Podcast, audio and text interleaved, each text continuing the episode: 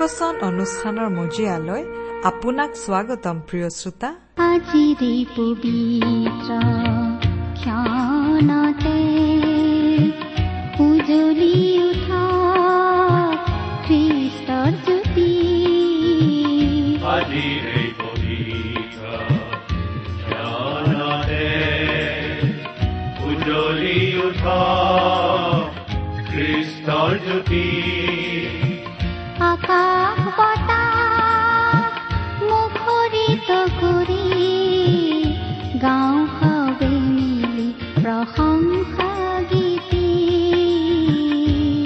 প্ৰিয় শ্ৰোতা আপোনাক পুনৰ লগ পোৱাৰ বাবে অশেষ ধন্যবাদ।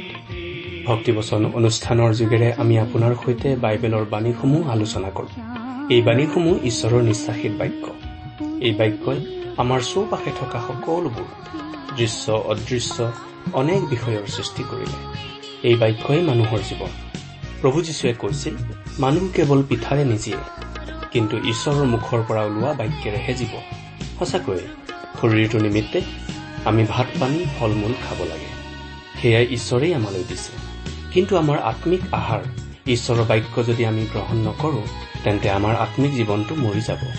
সেইকাৰণে আমি নিয়মিত ঈশ্বৰৰ বাক্য ভক্তিবচনৰ যোগেৰে প্ৰচাৰ কৰি আছো। যাতে আপুনি এই বাক্য গ্ৰহণ কৰি ঈশ্বৰৰ জীৱনত জীয়াই থাকিব পাৰে। আহক আজি আকৌ ঈশ্বৰৰ জীৱনদায়ক বাক্য ভক্তিবচন শুনো।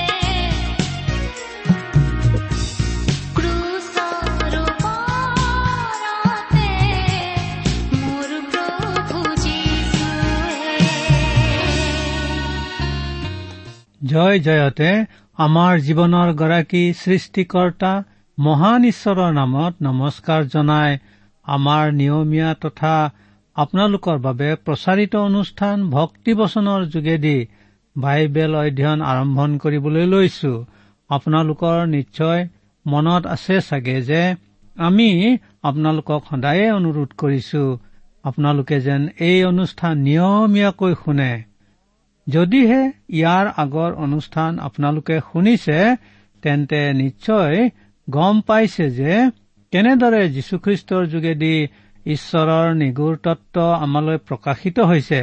আমি প্ৰত্যেকেই সেই পৰিত্ৰাণৰ অধিকাৰী যীশুখ্ৰীষ্টক গ্ৰহণ কৰিব লাগে।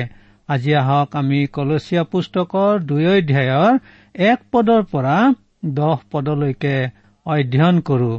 তাৰ আগতে আহক আমি প্ৰাৰ্থনাৰে ঈশ্বৰৰ জ্ঞান আৰু সহায় ভিক্ষা কৰো প্ৰাৰ্থনা কৰো। সৰগ নিবাসী আমাৰ জীৱন্ত ঈশ্বৰ পৰিত্ৰতা প্ৰভু যীশু আপোনাক ধন্যবাদ জনাওঁ আজিৰ এই বাইবেল অধ্যয়নৰ সময় আৰু সুযোগখিনিৰ বাবে। ধন্যবাদ দিওঁ ভক্তিবচন অনুষ্ঠানৰ কাৰণে কাৰণ এই অনুষ্ঠানৰ যোগেদি আপোনাৰ বাক্য প্ৰচাৰিত হৈ আছে।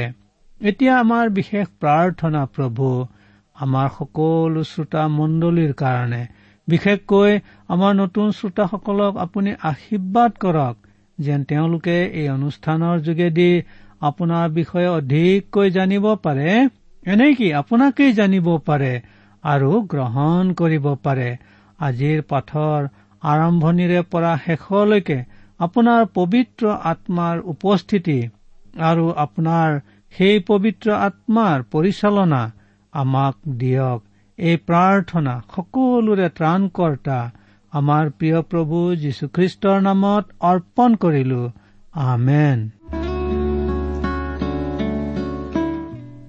প্ৰিয় শ্ৰোতা আজিৰ পাঠৰ মূল বাণী হল যীশুখ্ৰীষ্ট আৰু দৰ্শনৰ উত্তৰ।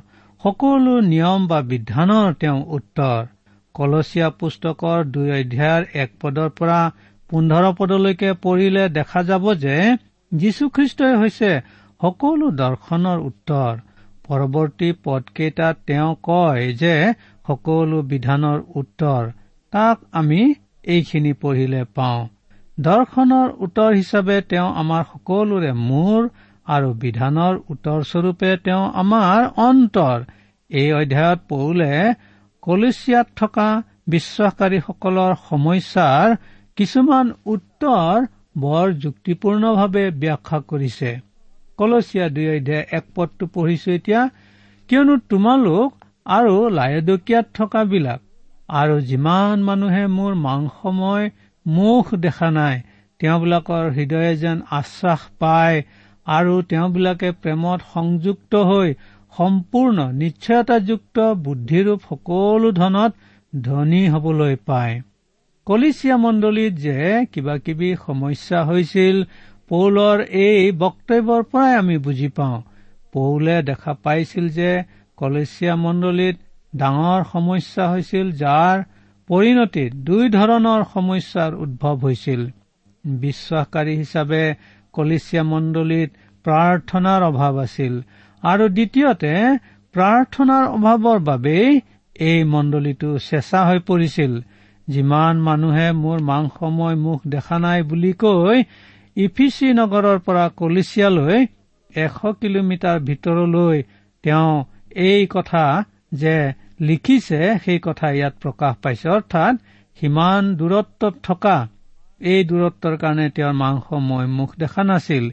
ইফিচলৈ পৌলে দুবাৰকৈ আহিছিল যদিও কলচিয়ালৈ তেওঁ অহা যোৱা কৰা নাছিল। ইয়াৰ মূল কাৰণটো আছিল তাৰ কিছুমান মানুহৰ লগত তেওঁৰ চিনাকি আছিল সেয়ে তালৈ নগৈও মণ্ডলী বিশ্বাসকাৰী সম্পৰ্কীয় পৰামৰ্শ দিব পাৰিছিল। আনহাতে এই কথাৰে এইটো স্পষ্ট হয় যে পৌলে হয়তো কেতিয়াও কলেচিয়া মণ্ডলীত পদাৰ্পণ কৰা নাছিল কিন্তু পৌলে তেওঁলোকৰ কাৰণে সদায় চিন্তা প্ৰাৰ্থনা কৰিছিল আৰু পৰামৰ্শ আগবঢ়াইছিল। দুই পদ ঈশ্বৰৰ নিগুতত্ব অৰ্থাৎ খ্ৰীষ্টক যেন জানিব এই আশয়েৰে তোমালোক সকলোৰে কাৰণে মোৰ কেনে বৰ যুঁজ হৈছে তাক তোমালোকে জানিবলৈ মোৰ ইচ্ছা। ঈশ্বৰৰ নিগুৰ তত্ব কি? ইতিমধ্যে আমি যোৱা পাঠত আলোচনা কৰিলো। ইয়াত আকৌ মনত পেলাই দিয়া হৈছে যেন তেওঁবিলাকৰ হৃদয়ে আশ্বাস পায়। কাৰণ অন্তৰখন গোটেই মানুহজনৰ অৱস্থাকে বুজায়। পৌলে তেওঁবিলাকৰ অন্তৰ বা হৃদয়ৰ শান্তিৰ কাৰণে প্ৰাৰ্থনা কৰা মানেই তেওঁলোকৰ সামগ্ৰিক শান্তিৰ বাবে প্ৰাৰ্থনা কৰাক বুজায়। পৌলে তেওঁলোকক প্ৰেমত সংযুক্ত হৈ থাকিবলৈ পৰামৰ্শ দিছে। কাৰণ প্ৰেমেই তেওঁলোকক একত্ৰিত কৰি ৰাখিছে। প্ৰেম হ'ল চিমেণ্টৰ দৰে বস্তু যিয়ে সকলোকে একত্ৰিত কৰি ধৰি ৰাখিব পাৰে। ঈশ্বৰৰ নিগুৰতত্ব অৰ্থাৎ খ্ৰীষ্টক যেন জানিব। নিগুৰতত্ব মানে হৈছে খ্ৰীষ্ট নিজেই। খ্ৰীষ্টই যে ঈশ্বৰৰ নিগুৰতত্ব তাক আমি আগৰ পাঠত ভালদৰেই অধ্যয়ন কৰি আহিছো ইয়াত আকৌ আমি ক'ব পাৰো যে মণ্ডলী হ'ল ঈশ্বৰৰ নিগুৰতত্ব কাৰণ পুৰণি নিয়মত ইয়াৰ আৱিৰ্ভাৱ হোৱা নাই। কিন্তু ঈশ্বৰে যে পৰজাতিবিলাকক পৰিত্ৰাণ কৰিব ইয়াক পুৰণি নিয়মতে ঘোষণা কৰা হৈছিল। নতুন নিয়মৰ পেণ্টিকষ্টৰ দিনাৰ পৰা ঈশ্বৰে এক অভিনৱ পদ্ধতিৰে অৰ্থাৎ সকলোকে পবিত্ৰ আত্মাৰে বাপটাইজ কৰি পৰিত্ৰাণৰ ভাগি কৰিলে। ইয়াতেই তেওঁ বৰ্ণনা কৰিছে প্ৰথম কৰিন্থিয় বাৰ অধ্যায় বাৰ পদত কিয়নো যেনেকৈ শৰীৰ এক আৰু তাৰ অংগ প্ৰত্যংগ অনেক কিন্তু সেই শৰীৰৰ সকলো অংগ প্ৰত্যংগ অনেক হলেও এক শৰীৰ হয় তেনেকৈ খ্ৰীষ্টও। প্ৰিয় শ্ৰোতা আপোনালোকে ভালকৈ লক্ষ্য কৰক যীশুখ্ৰীষ্ট জীয়াই থকা দিনকেইটাত তেওঁ দৈহিকভাৱে আমাক ধাৰণ কৰিছিল কিন্তু মৃত্যুৰ পাছত আত্মাৰে আমাক ধাৰণ কৰি আছে। অৰ্থাৎ এতিয়াও তেওঁৰ উপস্থিতি আমাৰ মাজত আছে। পৌলে যেতিয়া খ্ৰীষ্টীয় লোকসকলক অত্যাচাৰ কৰিছিল তেতিয়া খ্ৰীষ্টই তেওঁক সুধিছিল চৌল চৌল তুমি কিয় মোক তাৰণা কৰিছা? সেয়ে বিশ্বকাৰীসকল একত্ৰ হোৱা মণ্ডলীক বোলে যিটো খ্ৰীষ্টৰ শৰীৰ ইয়াকেই ঈশ্বৰৰ নিগুতত্ব অৰ্থাৎ প্ৰভু যীশু খ্ৰীষ্ট বুলি ক'ব পাৰো। এতিয়া পবিত্ৰ আত্মাই ইতিমধ্যে আমাক একত্ৰিত কৰিছে যাৰ ফলত সকলো বিশ্বাসকাৰী এতিয়া খ্ৰীষ্টৰ একেটা শৰীৰত পৰিণত হৈছে অৰ্থাৎ তেওঁলোকে মণ্ডলী জীৱন যাপন কৰিছে। বাস্তৱ ক্ষেত্ৰত দেখা গৈছে যে আমি বিশ্বাসকাৰীসকলে খ্ৰীষ্টৰ একেটা শৰীৰ হিচাপে বাস কৰিব পৰা নাই। সেইটো বৰ পৰিতাপৰ কথা। তিনি পদ সেই খ্ৰীষ্টতেই জ্ঞান আৰু বিদ্যাৰ সকলো ধন গুপ্ত আছে। তাৰমানে আমাৰ প্ৰত্যেকৰে যিটো প্ৰয়োজন সেয়া হ'ল প্ৰভু যীশুখ্ৰীষ্ট। তেওঁৱেই আমাৰ সকলো জ্ঞানৰ উৎস। এটা প্ৰচলিত খণ্ডবাক্য আছে জনাৰ পাছতহে বিচাৰি উলিয়াব পাৰি। আমি যদি নিজকে নত কৰি খ্ৰীষ্টইহে আমাৰ জ্ঞানৰ উৎসৰূপে গ্ৰহণ কৰো তেন্তে আমি ঈশ্বৰৰ পৰা প্ৰকৃত জ্ঞান লাভ কৰিব পাৰিম। চাৰিপদ কোনেও যেন তোমালোকক প্ৰলোভন বাক্যেৰে নুভুলায়। এইকাৰণে মই ইয়াকে কৈছো। আজিকালি বাইবেল কলেজত পঢ়া বহুতো বিশ্বাসকাৰীসকলে দৰ্শন আৰু মনোবিজ্ঞানৰ প্ৰতি আসক্ত। তেওঁলোকে বাইবেলৰ পৰিপূৰক হিচাপে দৰ্শন আৰু মনোবিজ্ঞান পঢ়ে। আচৰিত কথা কি? কিছুমান ছাত্ৰই ডক্তৰেট উপাধি লৈও বাইবেলৰ বিষয়ে পৰিপক্ক জ্ঞান লাভ কৰিব নোৱাৰে। তেওঁলোকে দাৰ্শনিক পণ্ডিত বুল্টমেন ইমানুৱেল কান্ত আৰু প্লেটুৰ বিষয়ে বহু কথাই জানে কিন্তু বাইবেলৰ বিষয়ে নাজানে। আমাৰ কাৰণে ই এটা ডাঙৰ সমস্যা। ঠিক একেধৰণৰ সমস্যা কলিচিয়া আৰু লাইডুকীয়া মণ্ডলীত হৈছিল। এনেধৰণৰ সমস্যাই দুয়োটা মণ্ডলীক দুৰ্বল কৰি তুলিছিল। ইয়াৰ মানুহবিলাক ধনী আছিল জাগতিক জ্ঞানত জ্ঞানী আছিল কিন্তু ঈশ্বৰৰ প্ৰকৃত জ্ঞানত তেওঁলোক দুৰ্বল আছিল। তেওঁলোকৰ জাগতিক সম্পত্তিৰ বাবে গৌৰৱবোধ কৰিলেও আম্মিক জীৱনৰ বাবে একোৱেই তেওঁলোকে নাজানিছিল। কোনেও যেন তোমালোকক প্ৰলোভন বাক্যেৰে নুভুলাই বুলি পৌলে তেওঁলোকক সতৰ্ক কৰাৰ দৰে আজি আমাকো সতৰ্ক কৰিছে। যেন আমি আজিৰ দৰ্শন মনোবিজ্ঞানৰ কথাত ভুল গৈ খ্ৰীষ্ট বা পবিত্ৰ বাইবেলৰ পৰা আঁতৰি নাযাওঁ। এবাৰ এটা ডাঙৰ সভাত বিখ্যাত শিক্ষক এজনে দৰ্শনৰ কথাৰে মানুহক ভুলোৱাৰ প্ৰচেষ্টা কৰি আছিল। এজন শ্ৰোতাই ওচৰতে বহাজনক সুধিলে আমাৰ প্ৰচাৰকে কি শিক্ষা দিছে? এই মানুহজনে উত্তৰত কলে প্ৰচাৰকজনে আচল কথাবোৰ এতিয়াও আৰম্ভ কৰা নাই। এনেদৰেই আচল কথা উল্লেখ নকৰি বক্তব্য শেষ কৰিলে। তেওঁ বাইবেলৰ আচল সত্যনো কি তাকে নকৈ দাৰ্শনিক কথাৰে মানুহক ভুলাবৰ যত্ন কৰিছিল কিন্তু কোনেও তেওঁক গ্ৰহণ নকৰিলে। আহক আমি বাইবেলৰ সত্যৰ ওপৰত বিশ্বাস স্থাপন কৰো হওক কোনো দৰ্শনৰ কথাৰ ওপৰত নহয়। দুই অধ্যায় এতিয়া পাঁচ পদ। কিয়নো মাংসেৰে অনুপস্থিত হলেও মই আত্মাৰে তোমালোকৰ লগত আছো আৰু আনন্দ কৰি তোমালোকৰ সুৰীতি আৰু খ্ৰীষ্টত তোমালোকৰ বিশ্বাসৰ যি অলৰতা তাক মই চাই আছো। পৌলে কি সুন্দৰ কথাৰে আমাক উৎসাহ দিছে। তেওঁ সকলো সময়তে কলচীয়া বিশ্বাসকাৰীসকলক মনত ৰাখিছিল অথবা তেওঁৰ কথাত আত্মাৰে তেওঁলোকৰ ওচৰত উপস্থিত আছিল। বিশ্বাসৰ যি অলৰতা অৰ্থাৎ লৰচৰ হ'ব নোৱাৰা কঠিন বান্ধোন পৌলে দিয়া পৰামৰ্শ হৈছে কলিচিয়াবিলাকে যেন খ্ৰীষ্টত বিশ্বাসৰ পৰা ফালৰি কাটি নাযায়। পৌলে এনেধৰণৰ কথা কৰিন্থিয়াবাসীকো কৈছিল আৰু আজি আমালৈকো একেবোৰ কথা তেওঁ কৈ আছে। সেই একেটা কথা আমাৰ ক্ষেত্ৰতো প্ৰযোজ্য। এতেকে হে মোৰ প্ৰিয় ভাইবিলাক প্ৰভূত তোমালোকৰ পৰিশ্ৰম যে ব্যৰ্থ নহয় ইয়াকে জানি তোমালোকে থিৰ আৰু অলৰ হৈ প্ৰভুৰ কাৰ্যত সদায় উপচি পৰা। প্ৰথম কৰিন্থিয় পোন্ধৰ অধ্যায় আঠাৱন্ন পদ। আহক প্ৰিয় শ্ৰোতা আমি বিশ্বাসকাৰী হৈ থিৰে থাকো হওক যেন ছয়তানে আমাক প্ৰলোভিত কৰিব নোৱাৰে। এতিয়া ছয় পদ।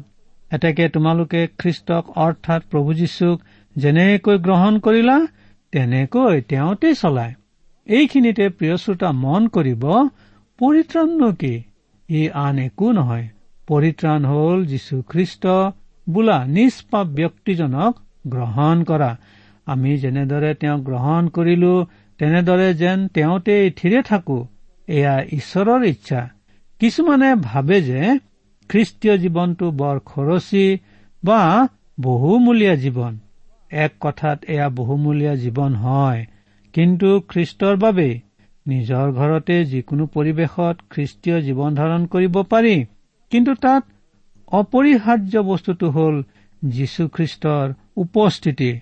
আপুনি মই বা সকলো বিশ্বাসকাৰীয়ে যীশুখ্ৰীষ্টত একেলগে খোজ কাঢ়িব লাগে একেলগে চলিব লাগে আমাৰ পৰা ঈশ্বৰে ইয়াকেই বিচাৰে।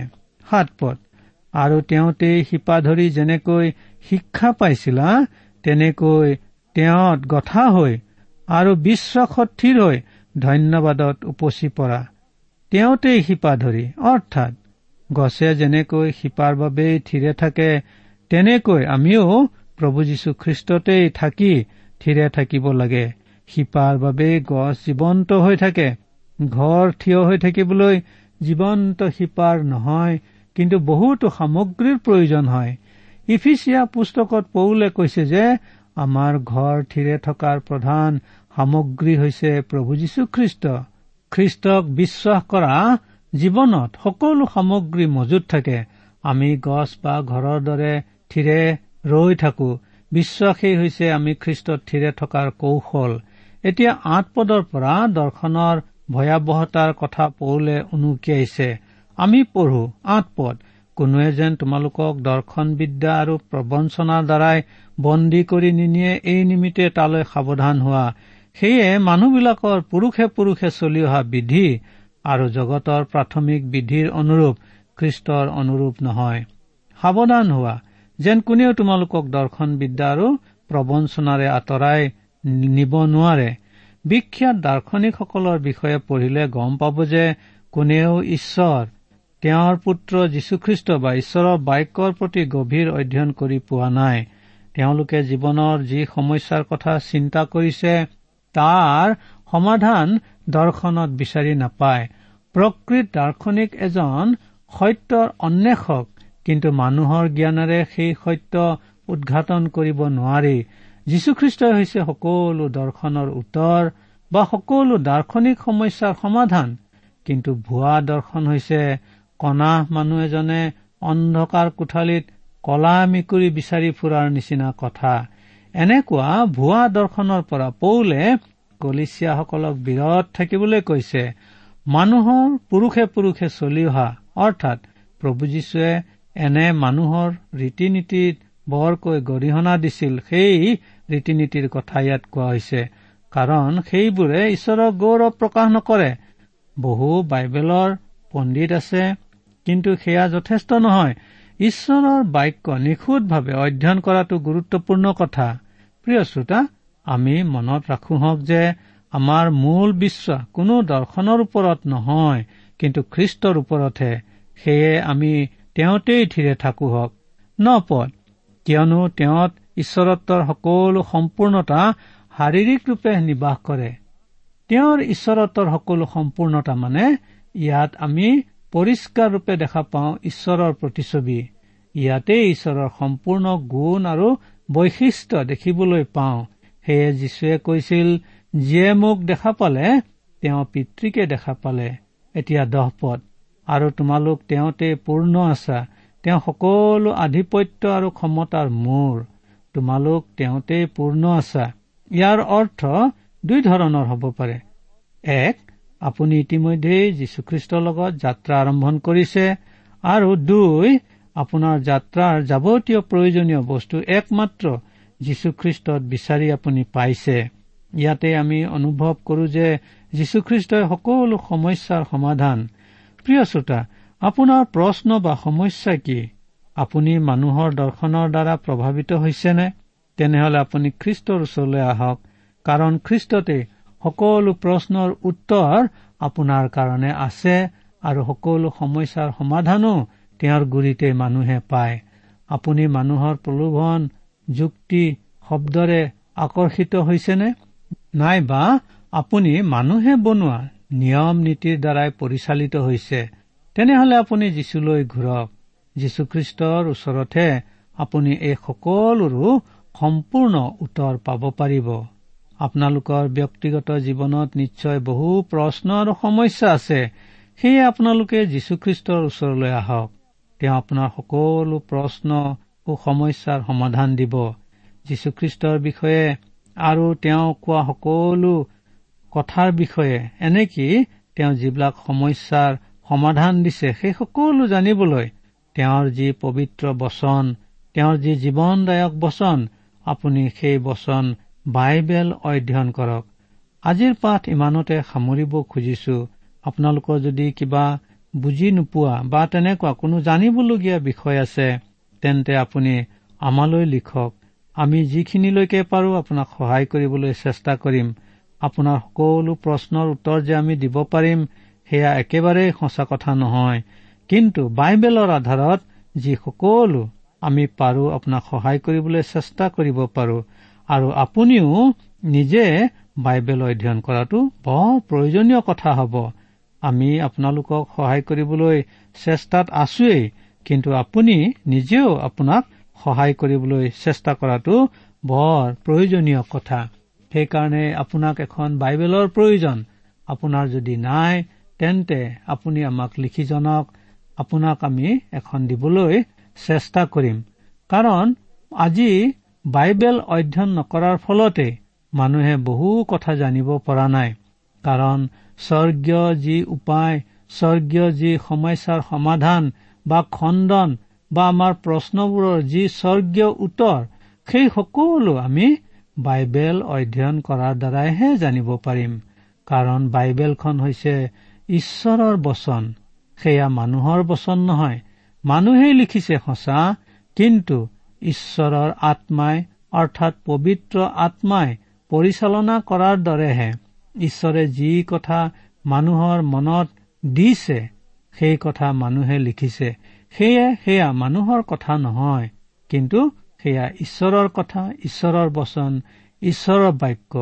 সেই বচন আপুনি নিজে অধ্যয়ন কৰিব লাগিব।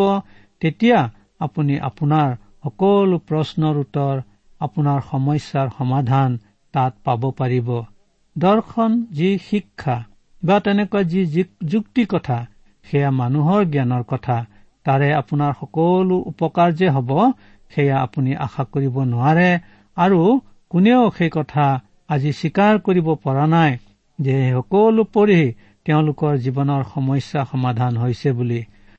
প্ৰভু যীশুখ্ৰীষ্টৰ পবিত্ৰ আত্মাৰ সহভাগিতা লৈহে আমি যদি তেওঁৰ বচন অধ্যয়ন কৰো তেন্তে ঈশ্বৰে আমাক সেই সকলো সমস্যাৰ সমাধান নিশ্চয় দিব। প্ৰিয় শ্ৰোতা আমি ইমানতে সামৰিবলৈ খুজিছো নিশ্চয় আপোনালোকে আমাৰে সৈতে সহযোগ ৰাখিব আৰু আমালৈ চিঠি লিখি আপোনাৰ জনাবলগীয়া কথাবিলাক আমাক জনাব। ইমান পৰে আপুনি বাইবেল শাস্ত্ৰৰ পৰা ঈশ্বৰৰ বাক্য শুনিলে। এই বিষয়ে আপোনাৰ মতামত জানিবলৈ পালে আমি নথৈ আনন্দিত হ'ম। আমি প্ৰস্তুত কৰা বাইবেল অধ্যয়নৰ চিডিসমূহ পাব বিচাৰিলে আৰু অনুষ্ঠানত প্ৰচাৰ কৰা কোনো কথা বুজিব লগা থাকিলেও আমালৈ লিখক। আমাৰ যোগাযোগৰ ঠিকনা ভক্তিবচন ট্ৰান্সৱৰ্ল্ড ৰেডিঅ' ইণ্ডিয়া ডাক বাকচ নম্বৰ সাত শূন্য গুৱাহাটী সাত আঠ এক শূন্য শূন্য এক। ঠিকনাটো আকৌ এবাৰ কৈছো ভক্তিবচন ট্ৰান্সৱৰ্ল্ড ৰেডিঅ' ইণ্ডিয়া ডাক বাকচ নম্বৰ সাত শূন্য গুৱাহাটী সাত আঠ এক শূন্য শূন্য এক। আমাৰ ইমেইল এড্ৰেছটো হৈছে Assamese T TV at the rate radio' eight eight two dot com. আমাৰ website W W W dot T W R dot in জীৱন বাটত ইমান নিৰাশা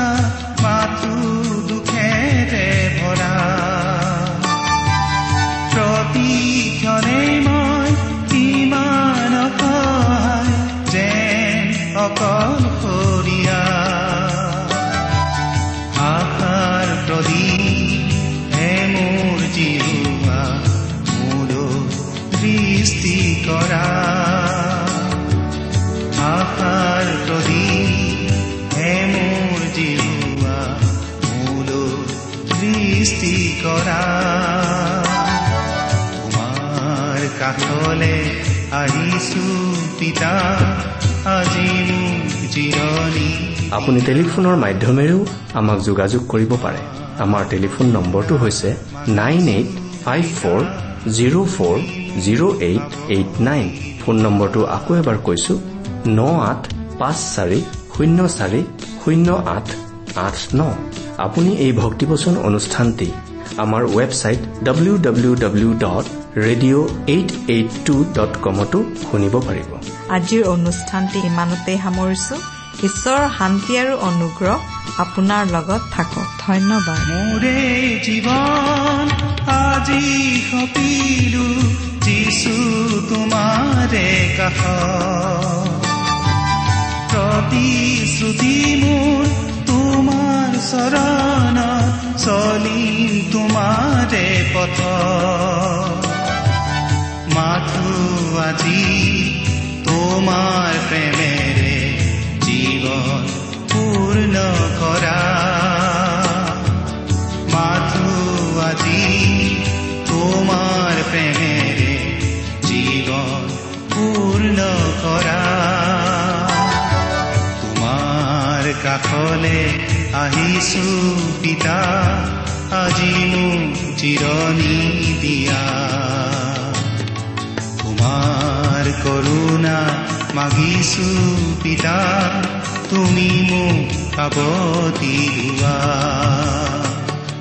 তোমাৰ কাষলে আহিছো পিতা আজি মোক জিৰণি দিয়া তোমাৰ কৰোণা মাগিছো পিতা তুমি মোক কাবতি লোৱা তুমি মোক জিৰণি দিয়া। তুমি মোক কাবতি লোৱা